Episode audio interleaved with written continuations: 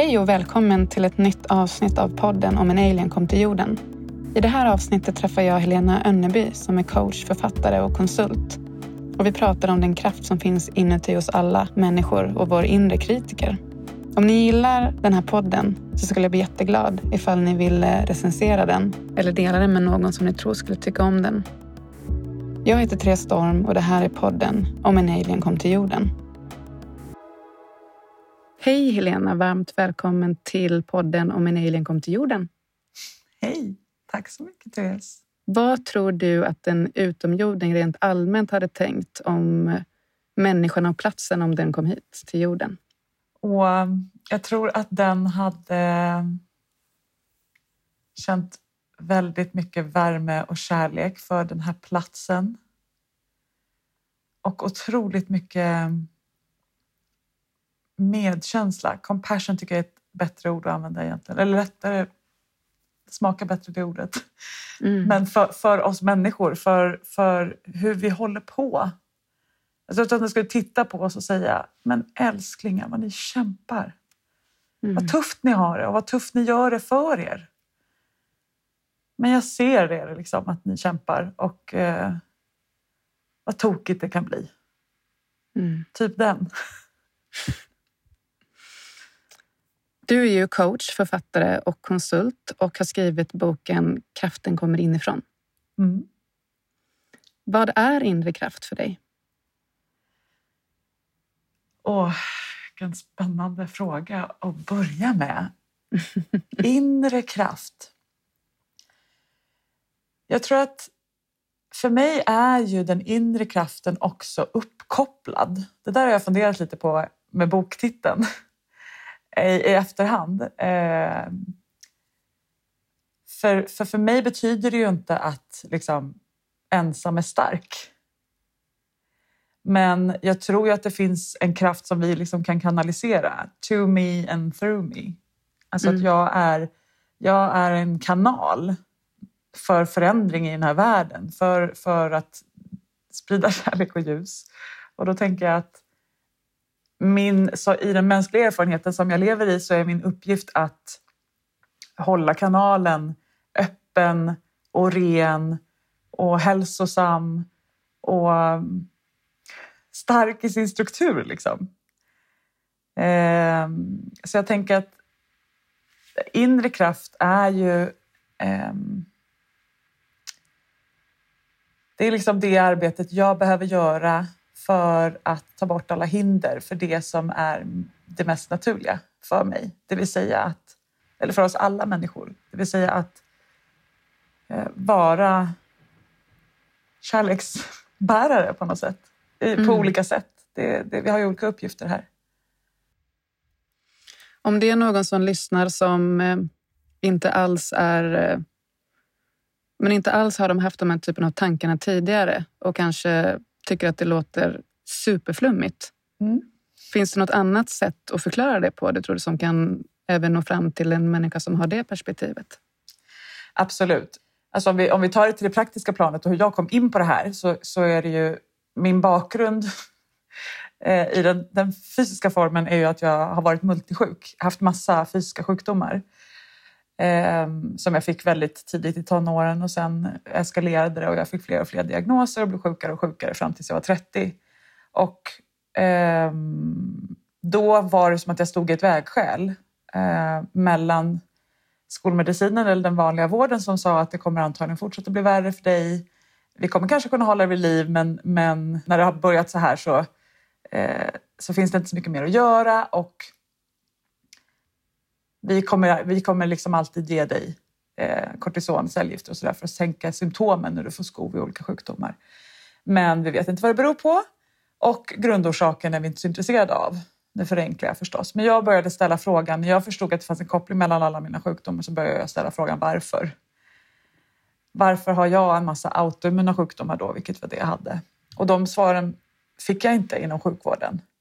Och det var ju den resan som jag då gav mig av på, eller den vägen jag slog in på i det vägskälet som har lett mig vidare liksom, på den här vägen av personlig utveckling. För det började Och själs, alltså spirituell utveckling också. För det började med en massa fysiska grejer som jag började ta hand om. Och liksom ändra livsstil och kost och allt möjligt sånt där så att jag började må bättre rent fysiskt. Men nästa lager blev ju identitet. Vem är jag om jag inte är sjuka Helena?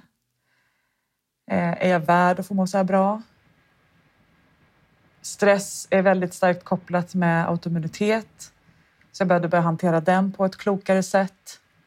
Jag behövde lära mig att hantera mina känslor på ett sätt som gjorde att jag kunde liksom hoppa ur stressresponsen när den inte längre var nödvändig. Alla sådana där bitar.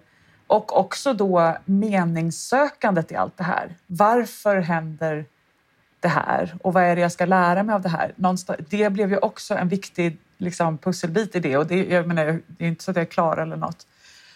Men jag skulle säga för mig, det som hände när jag stod i vägskälet och valde min egen väg var ju att jag valde att lita på att jag är starkare än vad jag tror. Mm. Jag valde att ta tillbaka ansvaret för mitt eget liv, inte delegera det till sjukvården längre. Ta tillbaka det ansvaret, sätta mig i förarsätet för mitt eget liv och då fattade jag ju först då, när jag tog tillbaka makten över mitt liv, hur sjukt stark jag är. Vilken enorm inneboende kraft vi sitter på. Så att, som sagt, det började väldigt praktiskt och fysiskt. Men nu när jag liksom började prata om eh, kanaler och eh, kärlek och ljus och så. Det, för mig är ju det väldigt praktiskt i mitt liv idag, men jag tror att en alien skulle ju veta att det är det vi är här för att göra och därmed skulle den också reagera med men älsklingar, vad ni håller på och vad ni kämpar. Ni är ju kärlek. Hur, hur kan vi hjälpa er tillbaka till till den där renheten och förstå vilken enorm kraft och styrka ni sitter på. Mm. Tack för det. Vad skulle du säga är din största passion i livet? Vad, vad ger dig meningsfullhet? Oh. Det här. Det är ju samspelet mellan, mellan människor, mellan oss människor, mellan... Eh, alltså om man säger så här, passion i livet är ju att hjälpa och guida andra människor också att få, få tillgång till den här kraften. Få syn på den och sen kunna börja leva med den som ett verktyg liksom, för att skapa de liv vi vill leva. Och det kommer ju till i interaktion mellan varandra. Jag växer ju också i alla samtal. Jag växer också av alla möten och alla människor jag har runt omkring mig oavsett om det är mina klienter som liksom där, där rollfördelningen är att jag ska guida dem, men de, de är lika viktiga för mig. Och det är därför liksom i det här samspelet också, ett, att bli, bli sedd och hörd och bekräftad på ett sånt här sätt. Det, det, det hjälper ju mig att sortera och få syn på och, och hitta nya sätt att eh, formulera någonting som rör sig inom mig. Liksom. Det, det är något mm. i det där som är otroligt livgivande för mig och som jag har funderat väldigt mycket på nu när liksom, eh, coronavåren och jag har varit väldigt mycket mer isolerad än vanligt. Liksom de flesta tror jag. Eh, både både liksom avsaknaden då av det här fysiska mötet men också så fascinerad över vilken närhet vi kan skapa online. Och att vi kan fortsätta utvecklas tillsammans även om vi är fysiskt distanserade. Det har varit häftigt att se. Ja, verkligen. Berätta lite mer om boken. Det är klart att jag förstår ju redan nu att anledningen till att du skrev den är ju din resa som du haft. Eh, men mm. finns det någonting mer i det som du vill berätta om varför du skrev den? Ja, jag, hade liksom, jag har haft en, en tydlig liksom, vägledning till att skriva en bok länge. Alltså, jag har alltid velat skriva böcker. Men anledningen till att det blev just den här boken som blev min första inom personlig utveckling var för att jag ville nyansera bilden av läkning och eh, liksom holistisk hälsa på, på ett sätt som jag upplevde att jag liksom inte riktigt läste eller såg själv.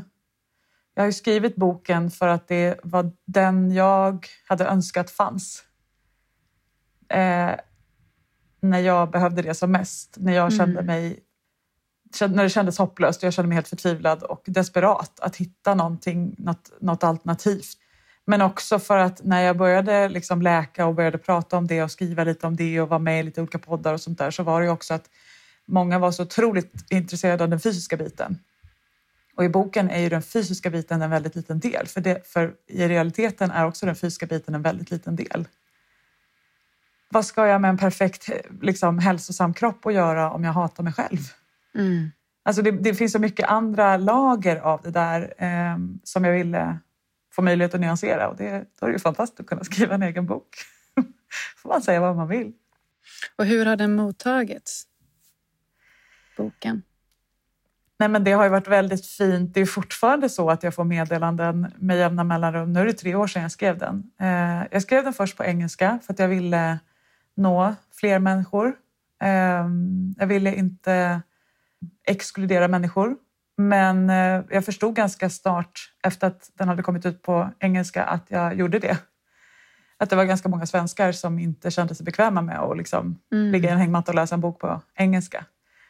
Eh, så då översatte jag den ett år senare. Men det är fortfarande, liksom, jag skrev i grunden för tre år sedan. Och jag skulle säga att på många sätt så är det ju det den är för människor.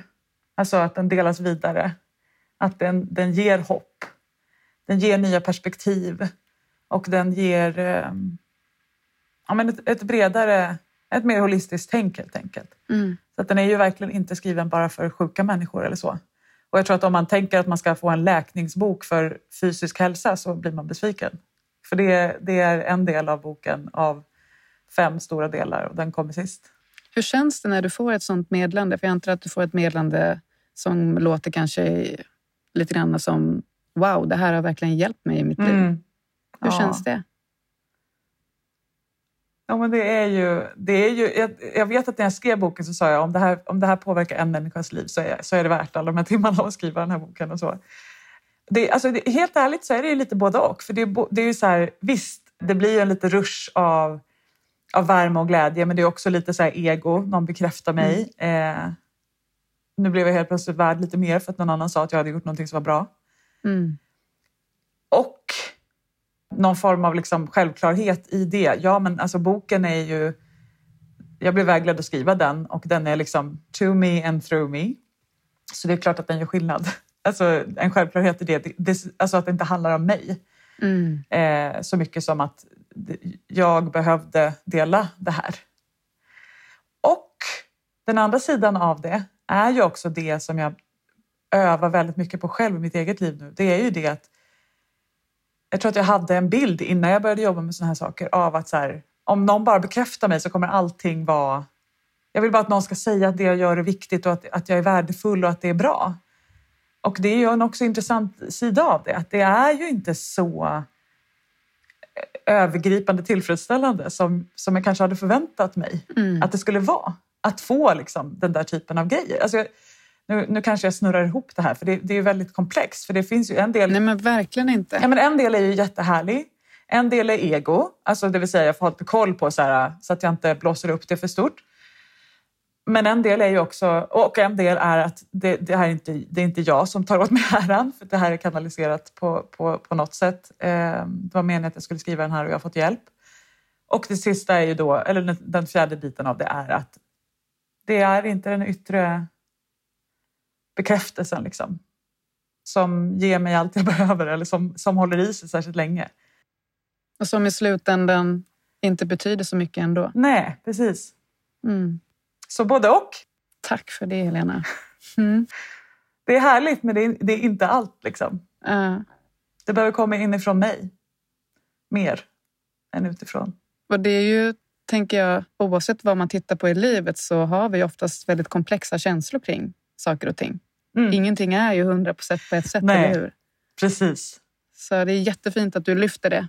Ja, men för det är väl kanske just det. Ja, det där har jag... Eh, jag vet inte om vi har pratat om det också, men just den här frågan som alla hur, hur läget, hur mår du och sådär. Och att jag tänker att den här frågan den är så, den blir, blir mer och mer banal i, i liksom mitt sinne. För att så här, alltså, det beror på, pratar vi om i livet generellt, pratar vi om fysiskt, pratar vi om själsligt, pratar vi om emotionellt? Pratar vi om den här sekunden eller ett genomsnitt av de senaste dagen? Pratar vi, alltså så här, det, det, det, går ju, alltså, jag, menar, jag upplever ofta att bara i ett samtal så har jag upplevt 40 olika känslor. Ja. Olika nyanser av det. Och reaktioner på de känslorna. Alltså, och det, man vill ju liksom inte bli för stökig i det där heller. Men jag tänker att det är, jag tror att en av de stora utmaningarna med vårt samhälle idag och allt som vi ser som händer i världen, det är ju vårt behov av att tänka svart eller vitt. Är det bra eller dåligt? Säg då! Kom igen! Mm. Nej men vänta, eh, oh, det beror på. Mm. Vilka, vilken lins tittar vi på? Och också just att det, det skiftar väldigt fort. Mm. Och det är okej. Okay. Ingenting håller för alltid, varken känslor eller, eller tankar eller åsikter. Det är precis samma sak där, att du behöver också så här, nej men vänta, jag har ändrat mig i den där frågan eller jag kan ha fel. Mm, alltså verkligen, men visst är det lite så också. Jag har lite tankar kring att, att vi väldigt gärna vill boxa in det i rätt eller fel med en gång är ju för att vi inte ska behöva reflektera över oss själva. Ja. För att om något annat är dåligt så behöver inte jag titta på mig själv. Men ifall det finns en komplexitet då är det ju liksom, alltså den typen av reflektion tillbaka till mig blir ju också då mer komplex, tänker jag. Just det. Ja, men då tänker jag också, och då kan, då kan vi också få syn på, oh, den där stationen handlade, eller hanterade jag inte så bra. Eh, ah, där hade jag kunnat vara mer kärleksfull eller mer förstående eller vad det nu än är. Eh, och det, det kan ju vara obekvämt om vi använder det som ett slagträ mot oss själva. Och det är det jag menar just med Alien kommer hit och tittar på oss. Här. Alltså att vi är så himla elaka mot varandra men också så superhårda mot oss själva. Tänk om vi skulle kunna våga ha så här, oj, shit, det gick åt skogen. Jag gjorde bort mig. Jag gjorde någon illa.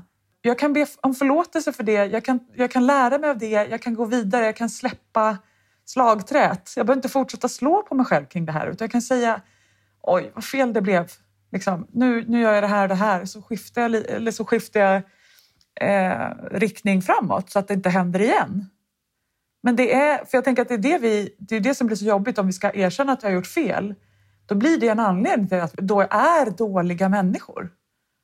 Nej, du, gjorde, du, tänk, du hade otur när du tänkte eller du gjorde ett dumt val. Liksom. Det, det är okej. Okay. Du kan, du kan erkänna det, du kan, du kan våga titta på det hos dig själv. Du behöver inte ens erkänna det utåt initialt, men bara att se det hos dig själv och tänka att oj vad tokigt. Mm, Okej, okay, vad ska jag lära mig och hur ska jag justera det här framåt? Blir inte det så läskigt. Liksom. Men om det, om ja, det då ska leda till så här, oj, nu är jag dålig. För att, jag, för att jag sa något dumt eller gjorde något dumt. Det är klart, om det, om det blir så, då kommer vi inte våga titta på det där. Men vad är ditt bästa tips då för att inte lyssna på den här inre kritiken som hela tiden tar första bästa chans att slå på oss själva? Alltså första tipset är ju att eh, identifiera att den finns. Alltså bygga lite utrymme mellan mig själv och mina tankar. Ett, inte tro på dem. Två, identifiera just den här inre kritiken, i vilka situationer den kommer igång, eh, vad den har för karaktär, eh, vad den har för röst och liksom, så att jag får syn på den. Oj, nu är inre kritiken här. Så att jag, så att jag liksom inte tror att den är en del av mig och jag är den, utan det är en personlighet i min orkester. Liksom. Jag är dirigent, det här är lite psykosyntes, men jag, menar, jag är dirigent i mitt eget liv. Sen har jag massa olika instrument som ska spelas i den här orkestern. Inre kritiken är en. Jaha, du ville säga något nu, du har gjort bort dig. Ja, du, vi, vi lyssnar ett tag. Spännande, tack. Nu vill jag höra cymbalen istället. Som då kanske är liksom, vår inre bästa vän eller något. Alltså, mm. eh, inse att, att det, den är en del av mig och jättemånga andra delar har jag också. Och de kan jag också eh, de instrumenten kan jag också stämma eh, och låta få spela. Då skulle man ju nästan kunna säga att, ett, att det är ett väldigt stort steg också att få kontakt med vår inre kraft. För att den inre kritiken kanske också står som en liten...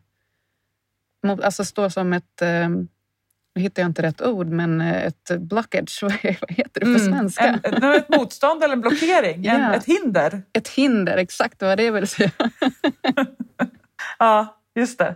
Ja, precis. Den står där precis framför eh, dirigenten så att dirigenten inte ser att det finns andra instrument. Den mm. står där. Nu ser jag som så här, står i, i vet du, kraftposition eh, med, med händerna i sidorna och liksom bredbent.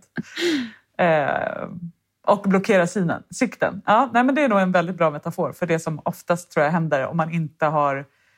För då ser man bara det och förstår inte att det finns flera Ja, eh, nyanser. verkligen. Ja, alltså jag är jättenyfiken på om du träffar dig själv som ung, vilket råd hade du velat ge dig själv då, tror du? Åh, älskar dig Lena. Mm. Åh, gud, jag kan bara gråta vad jag tänker på det här. Åh, Jag har en bild på mig själv på sju, sju år på, på mitt kylskåp eh, för att jag vill eh, hänga mer med henne och samtala mer med henne och hålla henne för att hon, eh, hon har mycket ont. Eh, hon bor ju i mig. Mm. Så det, jag, jag, som sagt, jag hänger en hel del med henne och det jag brukar säga är ju att det är okej. Du får vara, du får känna, du får vara glad, du får vara ledsen. Jag är här, jag kan hålla space för det. Liksom.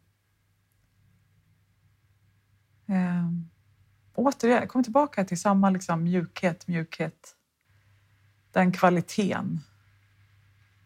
Vad är det som gör att vi inte premierar mjukhet, tror du? Alltså det, jag tror att det är så mycket i det här samhället som vi har byggt upp som, som liksom bygger på de maskulina eh, energierna eller strukturerna. Och där tänker jag att det kanske inte är en så framstående kvalitet. Eller jag tror att det är mer feminin kvalitet.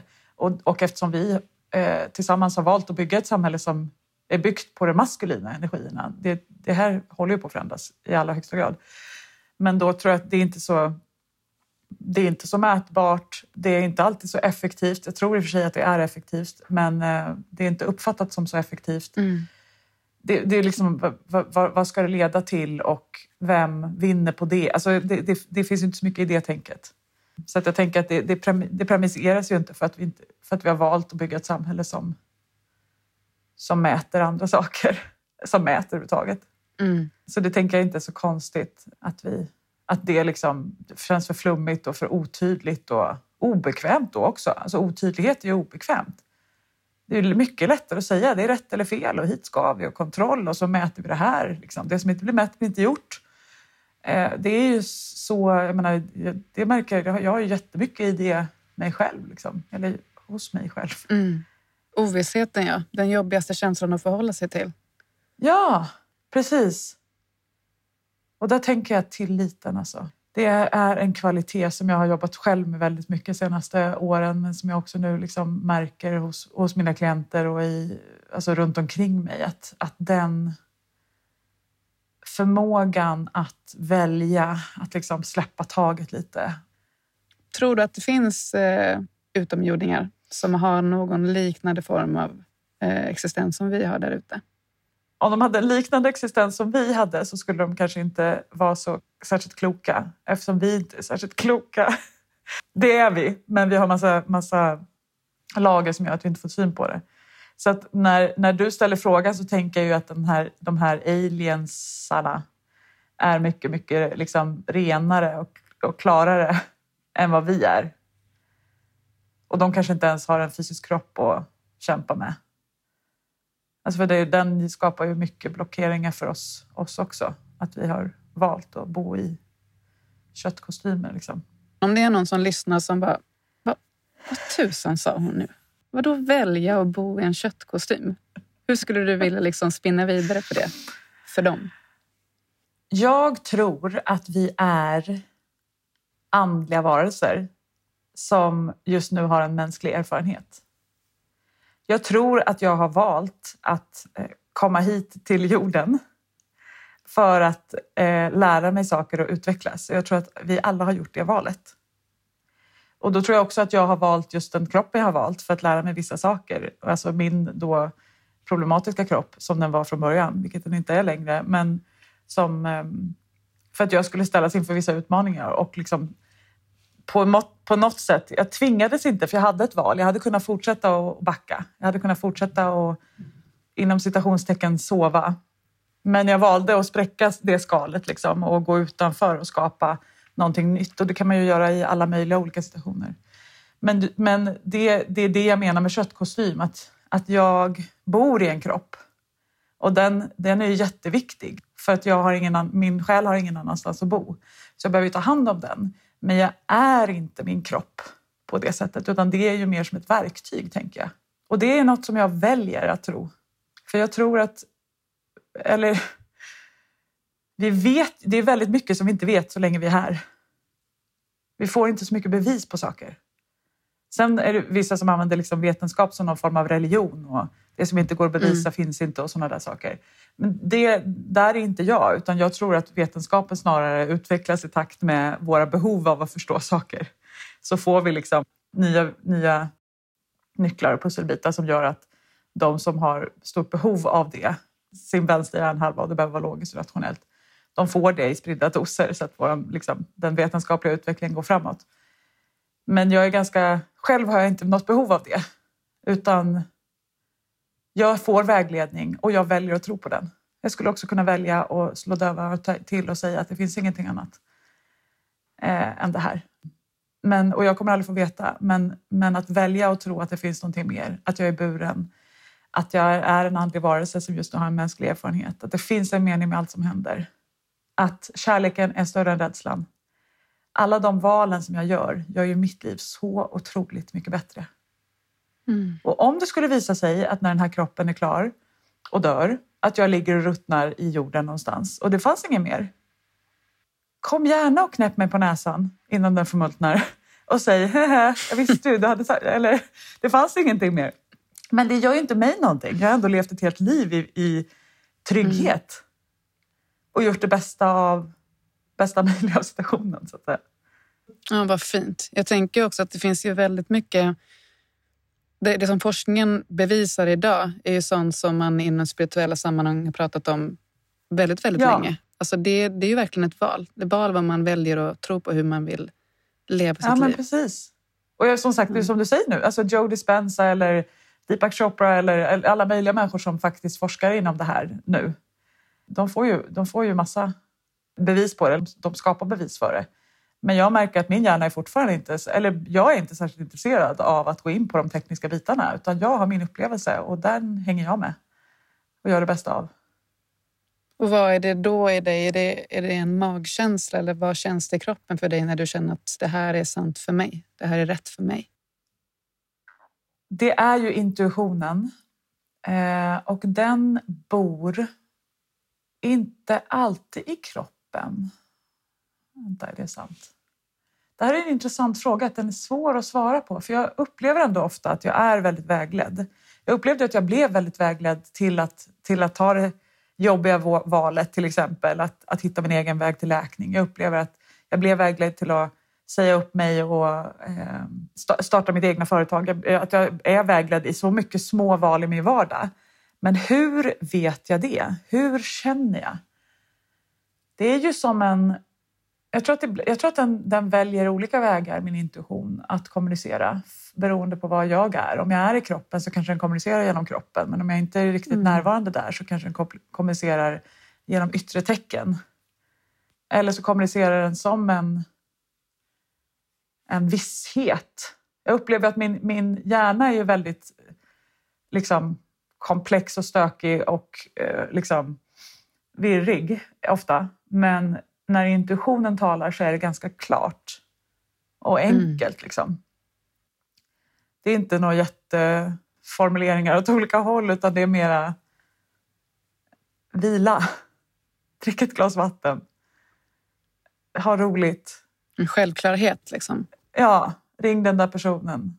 Eh, gå dit, gå inte dit. Eh, mycket tydligare och klarare och enklare i sin kommunikation.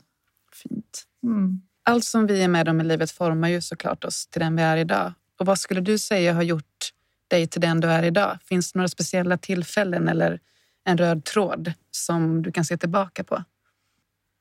Det är ju någon form av lust till utveckling. En röd tråd är ju nyfikenhet. Eh, vilket jag är otroligt tacksam för att jag har. För det gör liksom att jag vill fortsätta utvecklas, jag vill fortsätta uppleva, jag vill, jag vill jag är väldigt nyfiken på hur andra människor fungerar och tänker och känner. Jag är väldigt nyfiken på på mig själv ständigt. Jag är väldigt nyfiken på, ja, men på, på mänskligheten men också på, på jorden, världen, där vi bor och hur det är, varför det är som det är. Och, men också vart vi är på väg och varför. Bland alla verktyg som du har tagit del av för att eh, lära känna dig själv och komma i kontakt med dig själv och den här inre kraften som du pratar om. Finns det någonting som du känner att det här var liksom grejen, det här var så viktigt steg för mig? Alltså om jag skulle säga ett, ett liksom konkret verktyg som fortfarande är precis lika viktigt eh, men som tog ett tag att liksom få tag på så är det ju andetaget. Mm. För det, det, är andetaget som hjälper mig att komma tillbaka till här och nu. Det är ju alltid närvarande. Det är andetaget som hjälper mig att skapa lite utrymme mellan mig själv och mina tankar och känslor, mellan det som händer mig och hur jag vill respondera på det. Ehm, det är andetaget som tar mig hem till kroppen. Det är andetaget som kopplar upp mig. Det är andetaget som lugnar ner mig. Alltså det är andetaget på något sätt som är liksom superverktyget som jag använder dagligen och som jag ser också hos, alltså som jag tänker vi, vi som människor, det är ju en av de finaste gåvorna vi har fått i den fysiska kroppen. Att det är också en, en funktion i kroppen som, som sköter sig själv. Det är inte så att vi slutar andas om vi inte tänker på det, men vi kan också använda det som ett medvetande utvecklingsverktyg. Eh, och det är när vi får tag på den och, och tar fler och fler medvetna andetag, då tror jag att det är då kan allting skifta. Det börjar liksom där och det är, det är precis så enkelt som att ta ett djupt andetag. Eh, medvetet andetag lite då och då. Det kan förändra hela livet. Du sa att det tog ett tag för dig att hitta det. Vad tror du var anledningen till det? Jag kan tänka mig att många människor känner igen sig. Så här, jag har inte hittat mitt andetag. Vad, vad menar hon? Nej, jag tror att det är inte något som vi... Det var ingenting som jag lärde mig under min uppväxt eller i skolan eller något. Jag, jag tror inte jag... Eh, för mig var det via... Jag började åka på lite retreat och så och via mindfulness tror jag som jag... Eller kanske när jag började meditera som jag tror att jag började ta liksom mina första medvetna andetag. Jag hade, inte, jag hade inte jobbat med det som verktyg alls tidigare. Men jag tänker att det, det växer ju nu, eller det är fler och fler som pratar om det och jag tror att man, eh, många barn också får, eh, gör andningsövningar i skolan och sådär för att få tag på det där. För jag tänker att det är, oavsett vilken situation vi är i, om vi kan få tag i vårt andetag. Eller få tag i, det är ju där, men, men liksom och det handlar inte alltid om att det behöver... Kontakten. Ja, precis. Men jag tänker, det handlar inte alltid om att det måste vara så djupt. Eller... Men bara vi får, får ta... Alltså, för då är vi här och nu. Så fort vi får, får bli medvetna om var andetaget känns i kroppen just nu så är vi här och nu. Och det är det enda som är verkligt. Allt det andra är ju, alltså, eller allt som bor i huvudet i varje fall, är ju bara tankar om dåtid eller, eller oro för framtid, tänker jag. Så att det är därför andetaget tror jag är så himla viktigt. Tack, Helena. Är det något annat verktyg som eh, har varit lite så game changing för dig? Ja, det andra är ju meditationen då. Eh, för det är det som fortsätter. Jag brukar oftast göra meditationer där jag fokuserar just på andetaget, men det är ju där jag eh, medvetet varje dag sätter mig i observatörsrollen. Eller ställer mig i orkesterdiket, tittar på min orkester som vi var inne på tidigare och liksom eh, inte springer omkring och ska liksom stämma fiolen och fixa allting och hänga med. Och, utan jag låter dem få hålla på. Alltså jag observerar mina tankar och känslor. Eh, och förstår att jag är inte dem och de kan hålla på mm. och de blir triggade av alla möjliga saker. Men jag, har, jag kan sitta liksom i en eh, observatörsroll där det är lite lugnare och jag, jag, får, jag, jag, blir liksom, jag får kontakt med både vägledning men också lite klokskap som gör att jag ah, kanske inte ska göra den där grejen just nu. Jag kanske ska använda 24 timmars regeln på just det här mejlet.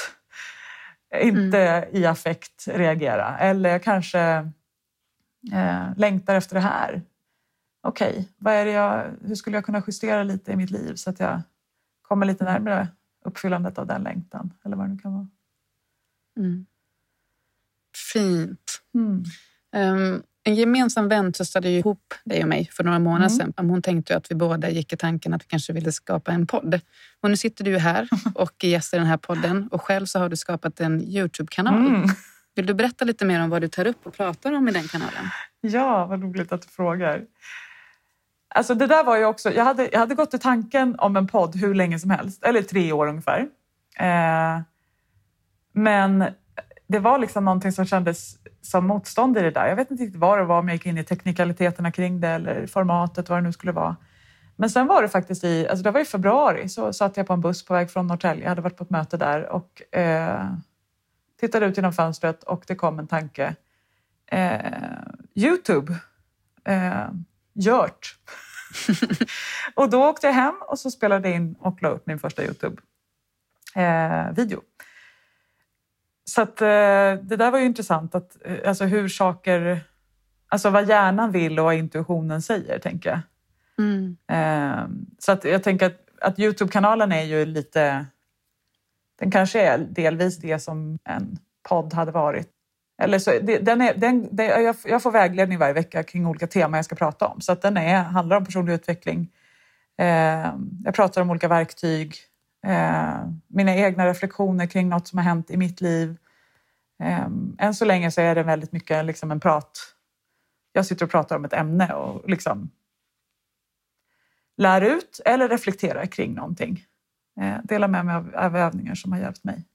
Jag har gjort en What I eat in a day-video, men det tog ju sjukt mycket tid.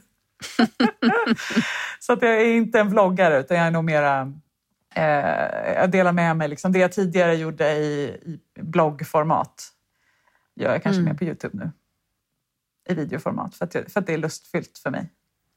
Mm. Men det är personlig utveckling och, och liksom handfasta verktyg Ja. som man kan ta del av. Precis. Mm. Yes. Och vad heter kanalen? Ja, Helena Anneby. Den, den känns som ett, ett lustfyllt projekt bara. Eh, Jag har inga särskilda mål med vad den ska leda till eller någonting sånt, utan det är bara det är roligt att få skapa, skapa en video varje vecka. Så det kommer ut nya videos varje onsdag. Helena Önneby varje onsdag på Youtube. Yes, Det är där vi ska hänga efter. precis. Ja, välkomna. Vi har kommit fram till em, några frågor som jag ställer till alla gäster i slutet Mm. eh, av eh, avsnittet. Och den första frågan är, vilken norm skulle du vilja ändra på Helena och varför? Jag tänk, det är liksom någonting kring det vi var inne på från början, vad en alien skulle tänka. Det är någonting kring att vara hårda mot oss själva. Men jag vet inte riktigt hur jag ska formulera det. För jag tänkte säga så här att, att vi måste vara så himla starka. Och det är ju motsägelsefullt för jag har skrivit en bok som heter Kraften kommer inifrån och jag har pratat mycket om att vi är mycket starkare än vad vi tror. Men det är också någonting, det är, det, och jag tänker att det, det är ju någonting om de här paradoxerna som jag tilltalar mig så himla mycket. Alltså just att det är inte antingen eller. Vi behöver inse hur starka vi är och vi behöver använda den kraften som vi sitter på och inte låtsas vara starkare än vad vi är. Så det är liksom någonting med de här fasaderna som jag längtar så mycket av efter att, att de ska rämna lite mer så att vi kan förstå att vi alla har små barn inom oss. Mm. Att vi alla bor i djurkroppar som har en massa behov. Och att vi alla har eh, egon som spelar stora eller små.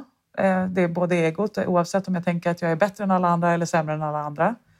Mm. Men just att vi får liksom syn på att vi är så lika och att vi vågar vara mer nakna inför varandra, tänker jag, i den, den bemärkelsen. Inte fysiskt då, utan våga visa liksom att Kanske fysiskt också, vem vet?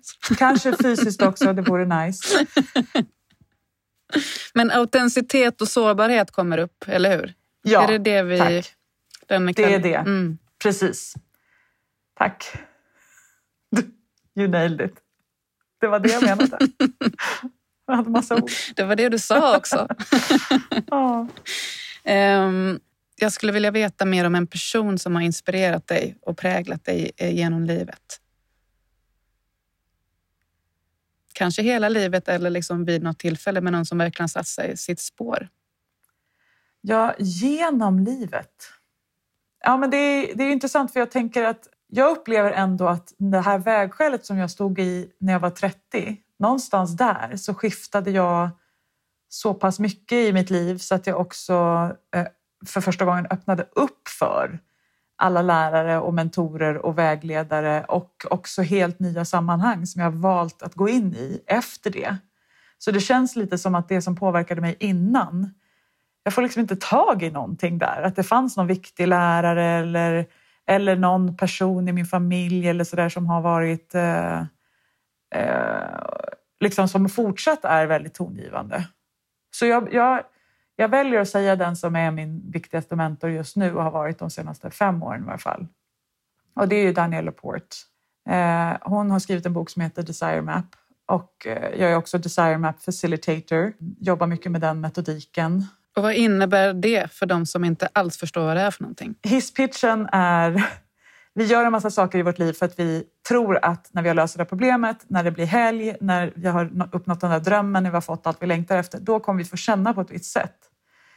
Alltså vi gör saker inte för att vi vill ha resultatet utan för att vi vill åt känslan. Och när vi identifierar vilken känslan är så vet vi vad vi längtar efter att känna. Och då kan vi flytta hit igen och skapa förutsättningar för att få känna det vi vill känna här och nu.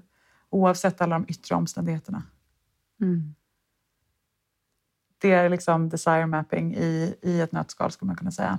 Men ehm, så Danielle är eh, en person som liksom, hon är stor i USA och Kanada och är utsedd av Opera som en av liksom, future leaders och så. Hon är väldigt, eh, det är dit jag går för att fylla på, för att bli inspirerad, för att bli påmind om vad som är möjligt och, och vad jag är kapabel till. Ehm, så Danielle Laporte är det just nu. Tack. För att må bra i livet, vad tror du är viktigt för oss människor då? Att vara mjuka. Mm. Snälla. Mot oss själva först. Det kommer till mig Only hurt people hurt people. And healed people heal people.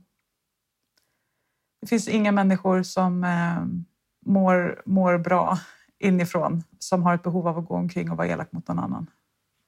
Så om vi kan bli bättre på att ta, vara snälla mot oss själva och, och, skapa förutsättningar för att vi ska få känna det vi vill känna och må som vi må, vill må. För att när jag har fyllt upp hos mig själv, då bubblar det över. Liksom. Så att vara lite mjukare mot oss själva, bli lite bättre, få lite bättre kontakt med vår inre bästa vän och inte bara vår inre kritiker. Mm. Eh, då förändrar vi världen. Ja. Om den som lyssnar nu då längtar efter mer av dig, eh, förutom din Youtube-kanal, var hittar de dig då någonstans?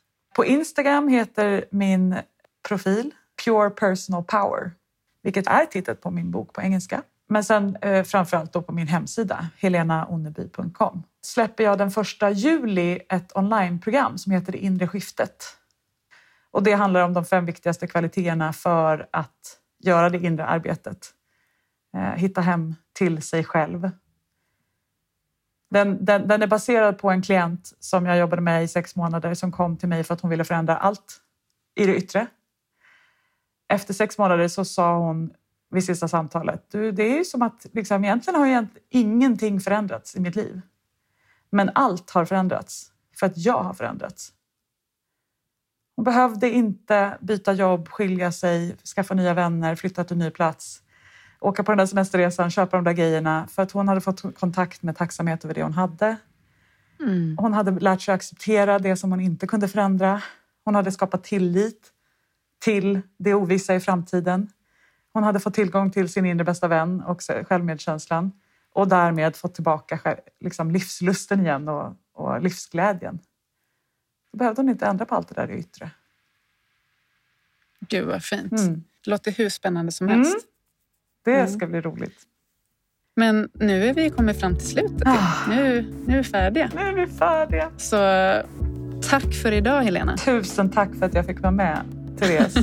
Så spännande frågor och jag älskar hur du håller space. Jag känner mig verkligen hållen i det här spacet. Så tack för att jag fick utforska själv. Tack. Mm. Fantastiskt.